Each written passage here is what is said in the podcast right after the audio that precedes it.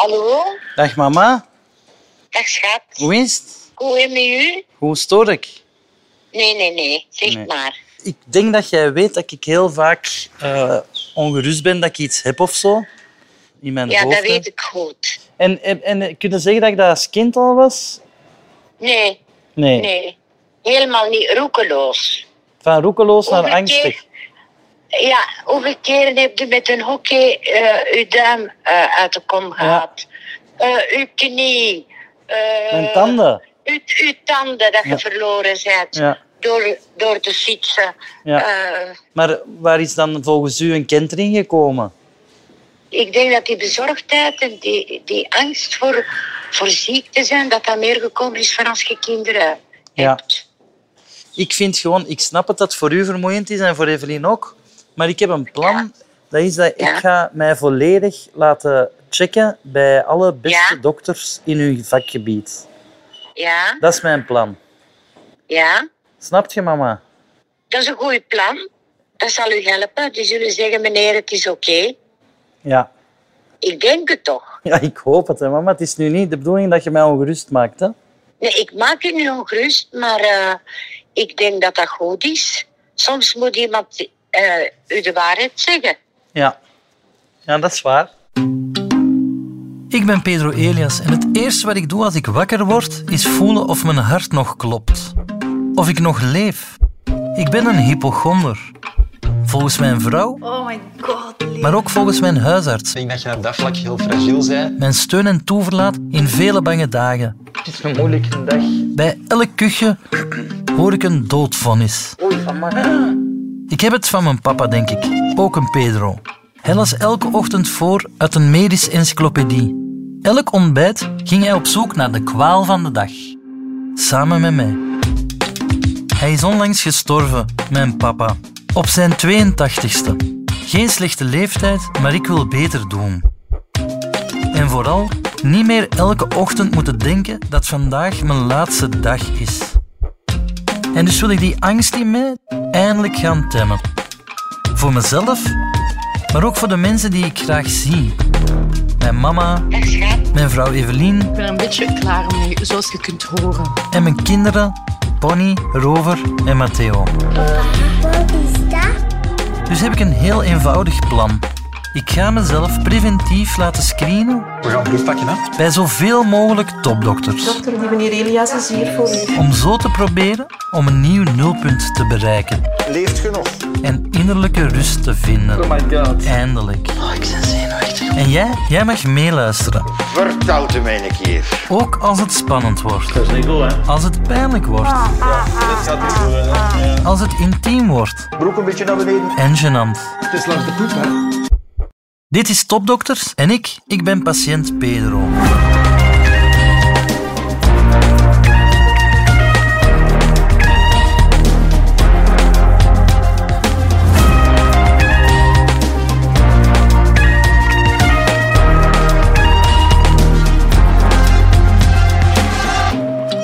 Mijn missie start hier. Maar voor ik er echt aan kan beginnen, moet ik één iemand op de hoogte brengen.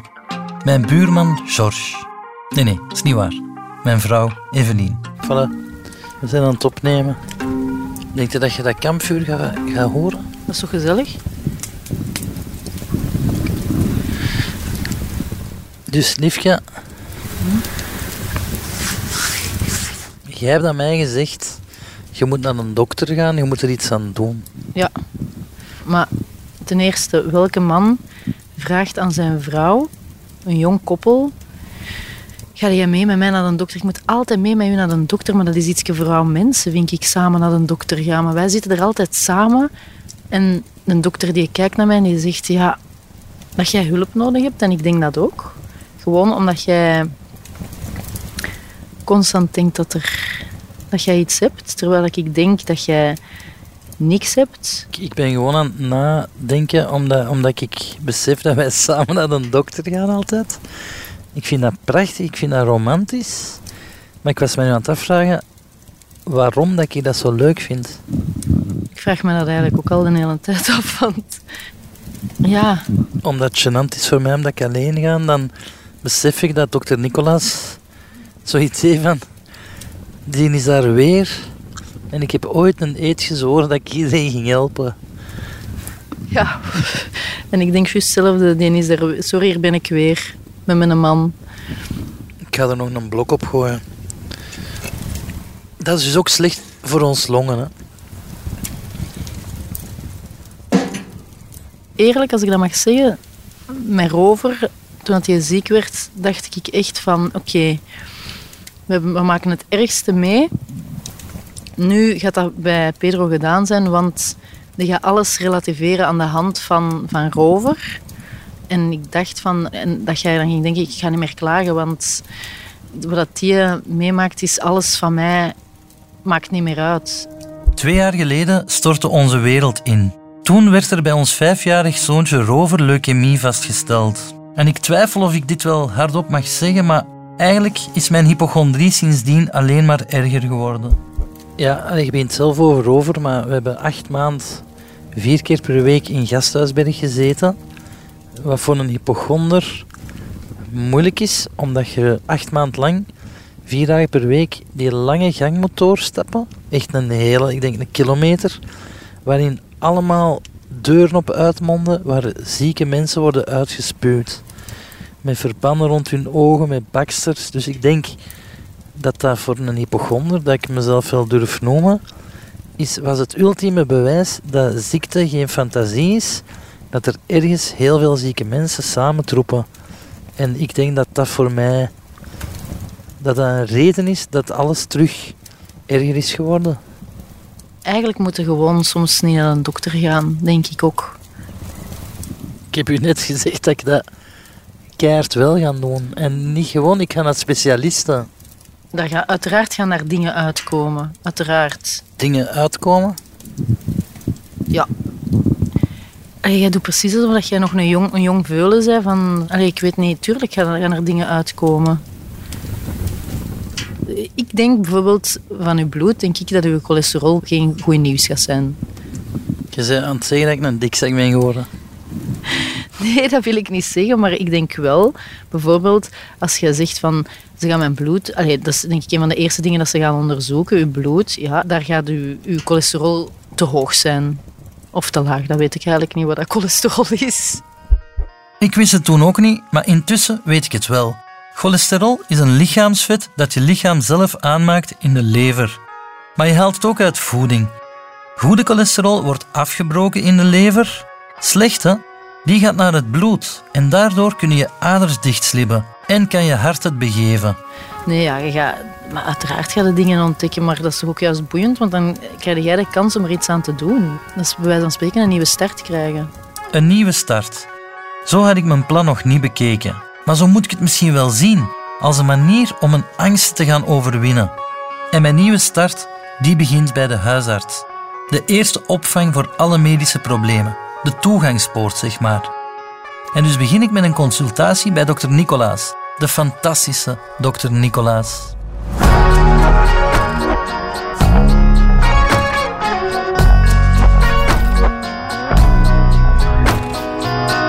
Even de handen ontsmetten. Ja. Oké.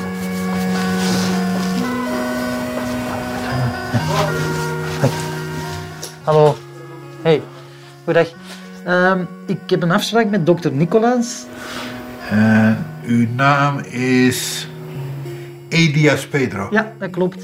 Ik zou zeggen, gaat u naar het eerste verdiep? Ja, trap op naar het eerste en dan komt, komt er wel een boodschap. Ja, daar hangt Ja. zo'n scherm eh, aan, eh, Ja, aan ja de ik, ik ken ze ondertussen.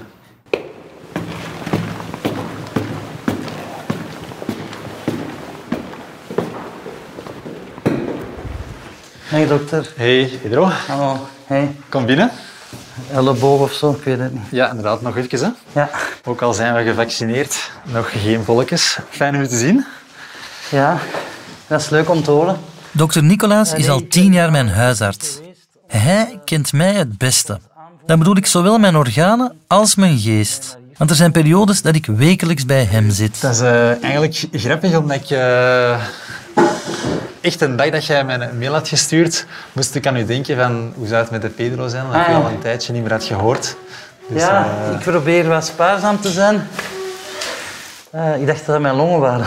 Nee, we zitten, Dat is in een chauffage. we zitten in een nieuw, nieuw gebouw, eh, maar af en toe hebben we onze chauffage wat liefde Ah. nodig en moeten die even aan Ja. een thermostaat draaien. Dus de loodgieter heeft er niet echt een oplossing voor. Oké. Maar, Ja, ik ook niet echt.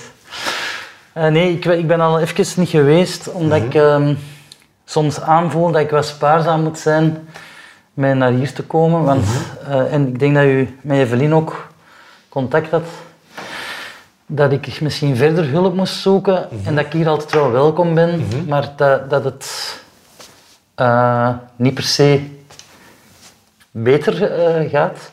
Het gaat nu vandaag even over mij natuurlijk, maar Van Rover heeft vandaag twee jaar geleden... Het is een moeilijke dag eh, die een beetje samenvalt.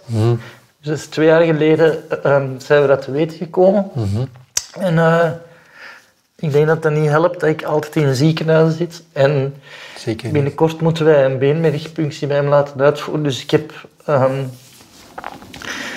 dat maakt het, het eh, nadenken over gezondheid alomtegenwoordig. Tuurlijk. Nu heb ik het plan opgevat om, en daarom ben ik ook bij u vandaag, dokter, om naar eh, specialisten, eh, topdokters heet dat dan, dus elk in hun gebied, eh, zoals mijn hart, laten checken bij dokter Brugada. Ja. Mijn darmen was ik van plan, omdat ik de 50 nader. Oké. En het is wel de bedoeling om preventieve onderzoek te laten doen. Ik wil de ziektezorg niet belasten met mijn probleem dat mogelijk in mijn hoofd zit.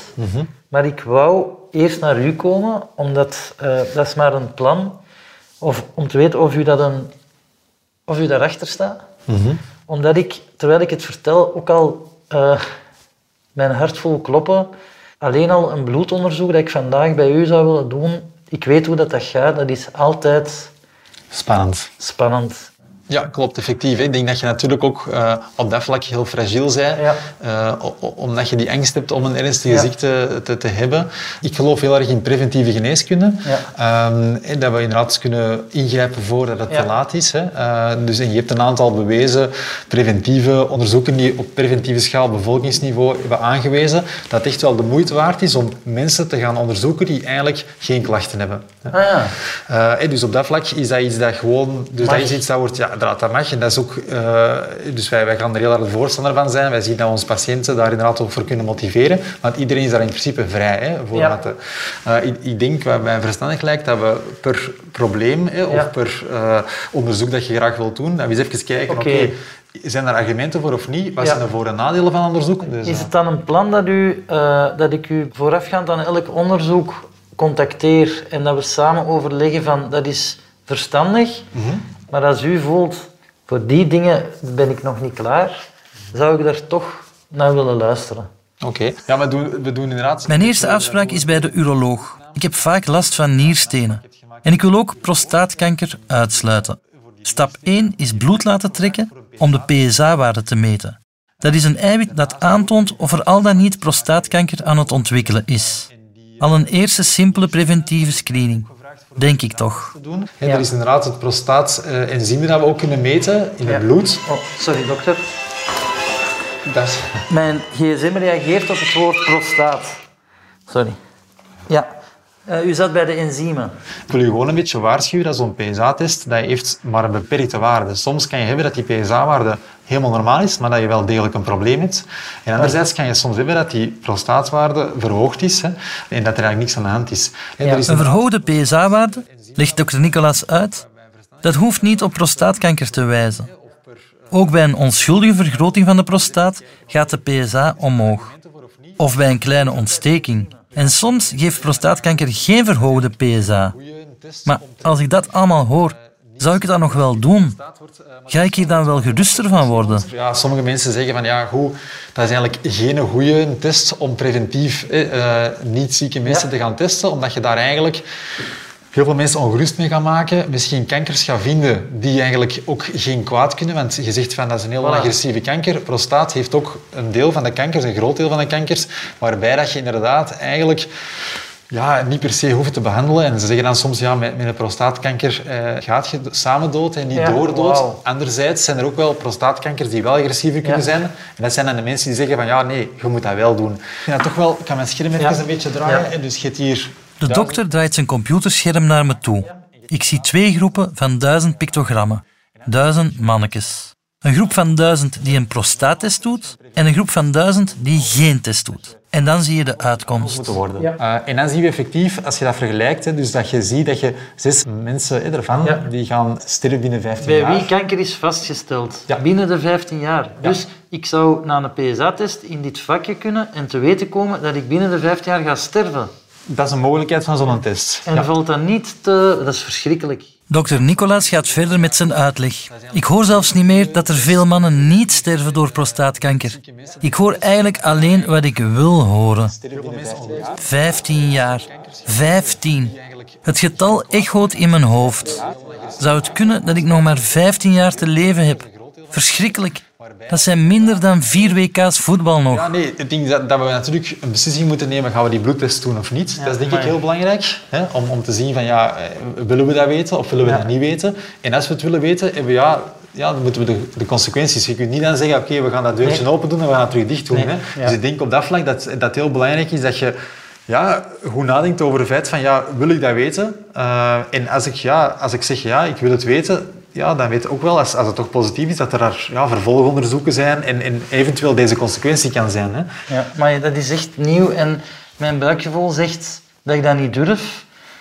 Is het een idee om eerst naar daar te gaan en te laten voelen aan de en nog bijkomende onderzoek? En als ze geneigd zijn te denken, dit is niet goed van dan wel die test te doen? Of heeft het geen nut zonder PSA? Nee, nee, ik denk op zich dat we het wel moeten doen nu. Ja? Om- ja, omwille van het, feit dat je, om, schrikkelijk. omwille van het feit dat je naar de prostaatdokter of de uroloog gaat Ja. gaan en die gaat eigenlijk nog onderzoeken doen die nog veel meer gaan zeggen.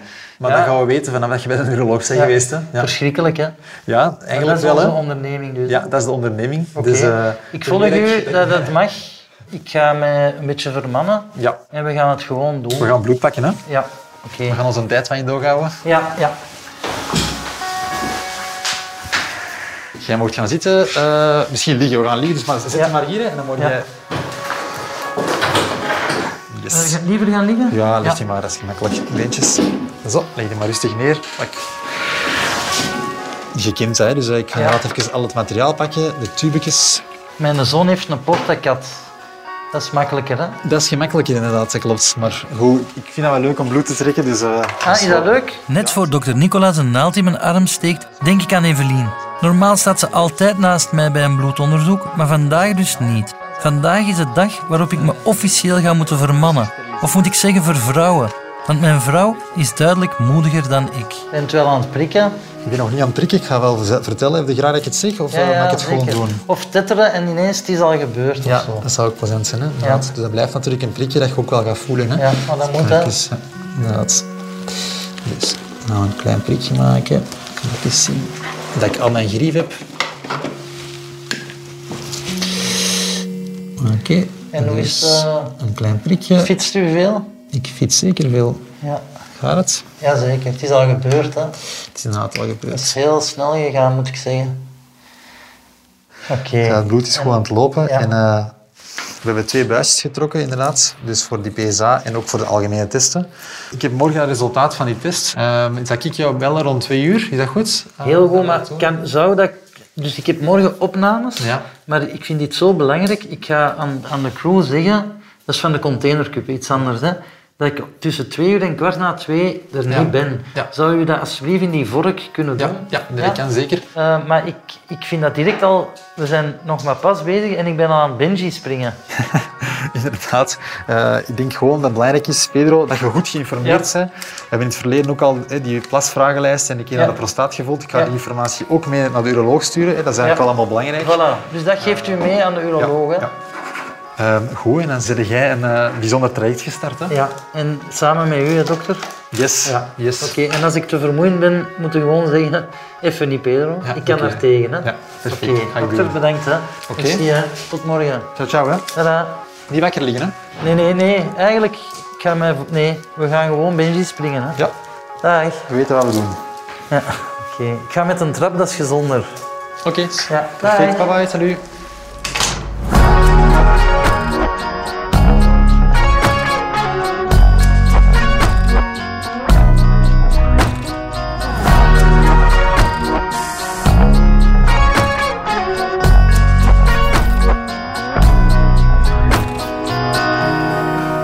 S'avonds, als Rover, Bonnie en Matteo liggen te slapen, zit ik met Evelien aan de keukentafel. Ik vertel haar over mijn dag. Ik ben naar dokter Nicolas geweest. Garme, die zal waarschijnlijk hebben gedacht, daar redden we hem weer. Ja, wat zijn? Concreet kon ik een bloedonderzoek laten doen zonder PSA-waarde of met. En hij heeft mij uitgelegd, Pedro, je moet wel weten wat dat inhoudt. Dat is dat ze, en nu komt het, het waar ik wat schrik voor heb of niet, maar acht op de duizend mannen maken kans om een prostaatkanker te hebben waar je binnen de 15 jaar van sterft. Acht op de duizend hoor ik mezelf zeggen. Ook al waren het er op het computerscherm van dokter Nicolas maar zes. Heeft mijn hoofd er nu net een kwart bij gedaan? Dus dat is nu, mijn bloed is onderweg naar een labo. Maar het kan zijn dat ik maandag te horen krijg dat ik binnen de 15 jaar ga sterven. Oh, schetsje toch. ik wist niet, als ik aan dit project ging beginnen, ik wist dat ik mijzelf kwetsbaar ging opstellen, letterlijk. Maar dit is het eerste dat ik ga laten onderzoeken. En ik moet maandag met knikkende knieën naar Aalst. Ja. En dan nu met alle liefde voor mensen uit Aalst. Dat is niet een stad waar ik een doodsvonnis wil krijgen. Oh, nee, dat snap ik. Snap je? Zo Maar- Parijs. Of, of- maar Aalst, van ja, in, ik ga naar Aalst. Ah, wat ga je doen? Ah ja, ze gaan mij een doodsvonnis geven. Oh ja, ik heb ooit een lief gehad in Aalsleef. In welke stad heb jij geen lief gehad, lief? Ik vind dat je licht over gaat. Ja, nee, ik snap, ik Als snap, dat, dat, om- ik snap dat, dat, dat, dat, dat, een heel zot gegeven is. Dat jij ma maar die kans is veel groter dat jij een maandag zegt... Alright, ik, eh, het, is, het zit hier allemaal nog keigoed. Ehm bon, dat kan ik al afvinken. Ehm, daar moet ik nooit nog schrik voor hebben. Je zegt al van je nagels aan het bijten, dat doe jij nooit op je nagels bijten. Nee, maar ik heb net een PSA-test laten afnemen. Maar ik, ik, ja, voor mij is 8 op 1000, dat is heel grappig het verschil tussen ons. Voor mij is 8 op 1000 zo klein, die kans. En voor u is 8 op 1000 heel groot. Je moet maar die 8, een van die 8 zijn. En dat ga ik u mee in dat bad sleuren, maar ik ga maandag naar Aalst. Ik neem aan dat er een prostaatonderzoek volgt. Daar wordt de balzak en de penis ook gecheckt, denk ik. Maar, en dat is iets waar ik u mee in bad sleur, je weet, mijn piemel is gekwetst geraakt.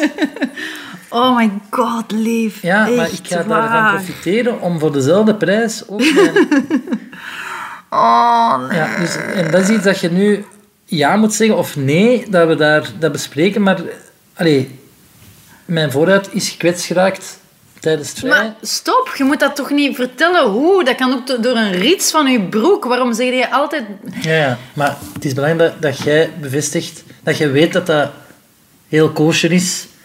Dat is gewoon met u. Maar is er een stop nu, schat, stop. beweging geweest. Stop, alstublieft. Er volgt een lange nacht waarin ik amper slaap. De zoveelste. Ik ben zenuwachtig voor morgen. Voor het telefoontje van dokter Nicolaas over de PSA-waarde in mijn bloed. De volgende dag, tussen twee opnames door, zonder ik mij af in een geluidsdichte studio op woestijnvis. Je weet maar nooit dat mijn wereld weer gaat instorten. Verschrikkelijk. Zenuwachtig. Ik heb schrik voor mijn resultaten.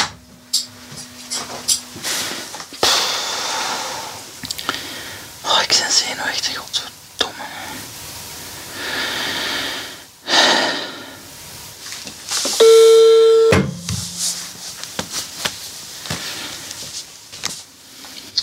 Goedendag, Nicolas van der. Dag dokter, het is Pedro.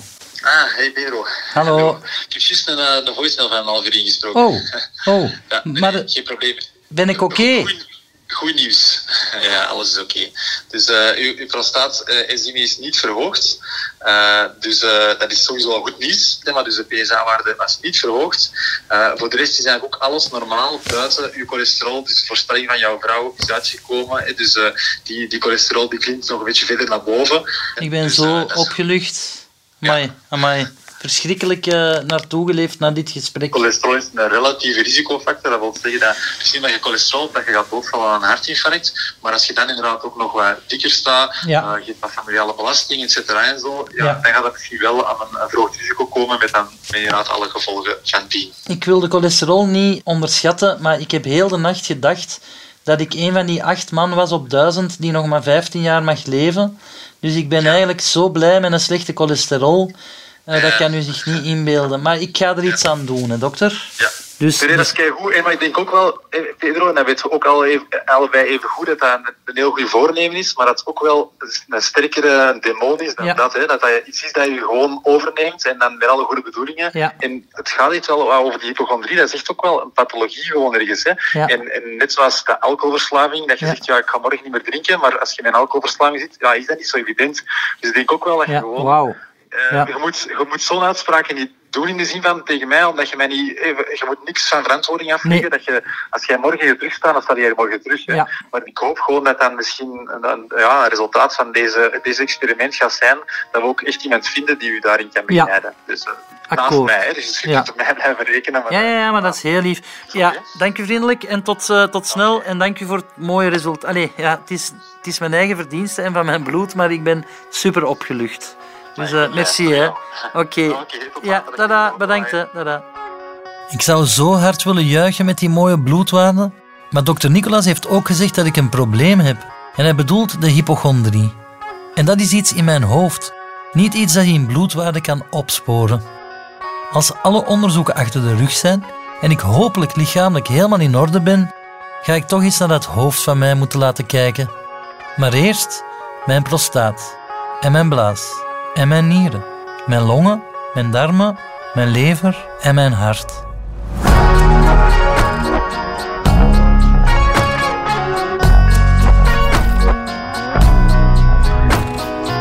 Volgende week hoor je dit.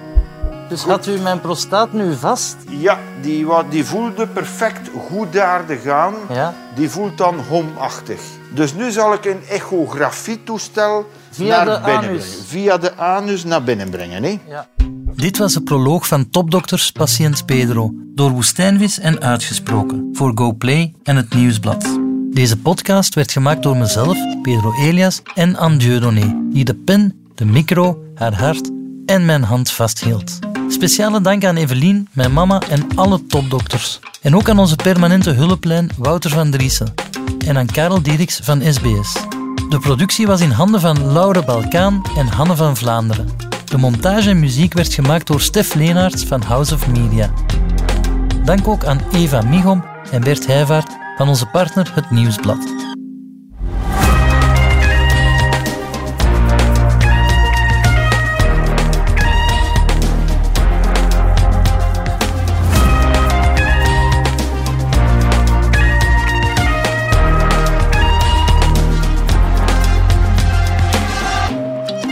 Even dit. Deze podcast is mijn persoonlijke verhaal. En het heeft niet de ambitie om helemaal accuraat of volledig te zijn. Voor vragen over je eigen gezondheid kan je terecht bij je arts. Vanzelfsprekend kan niets in deze podcast een consultatie, een medisch onderzoek, een diagnose of een behandeling vervangen. Zorg goed voor jezelf en blijf gezond.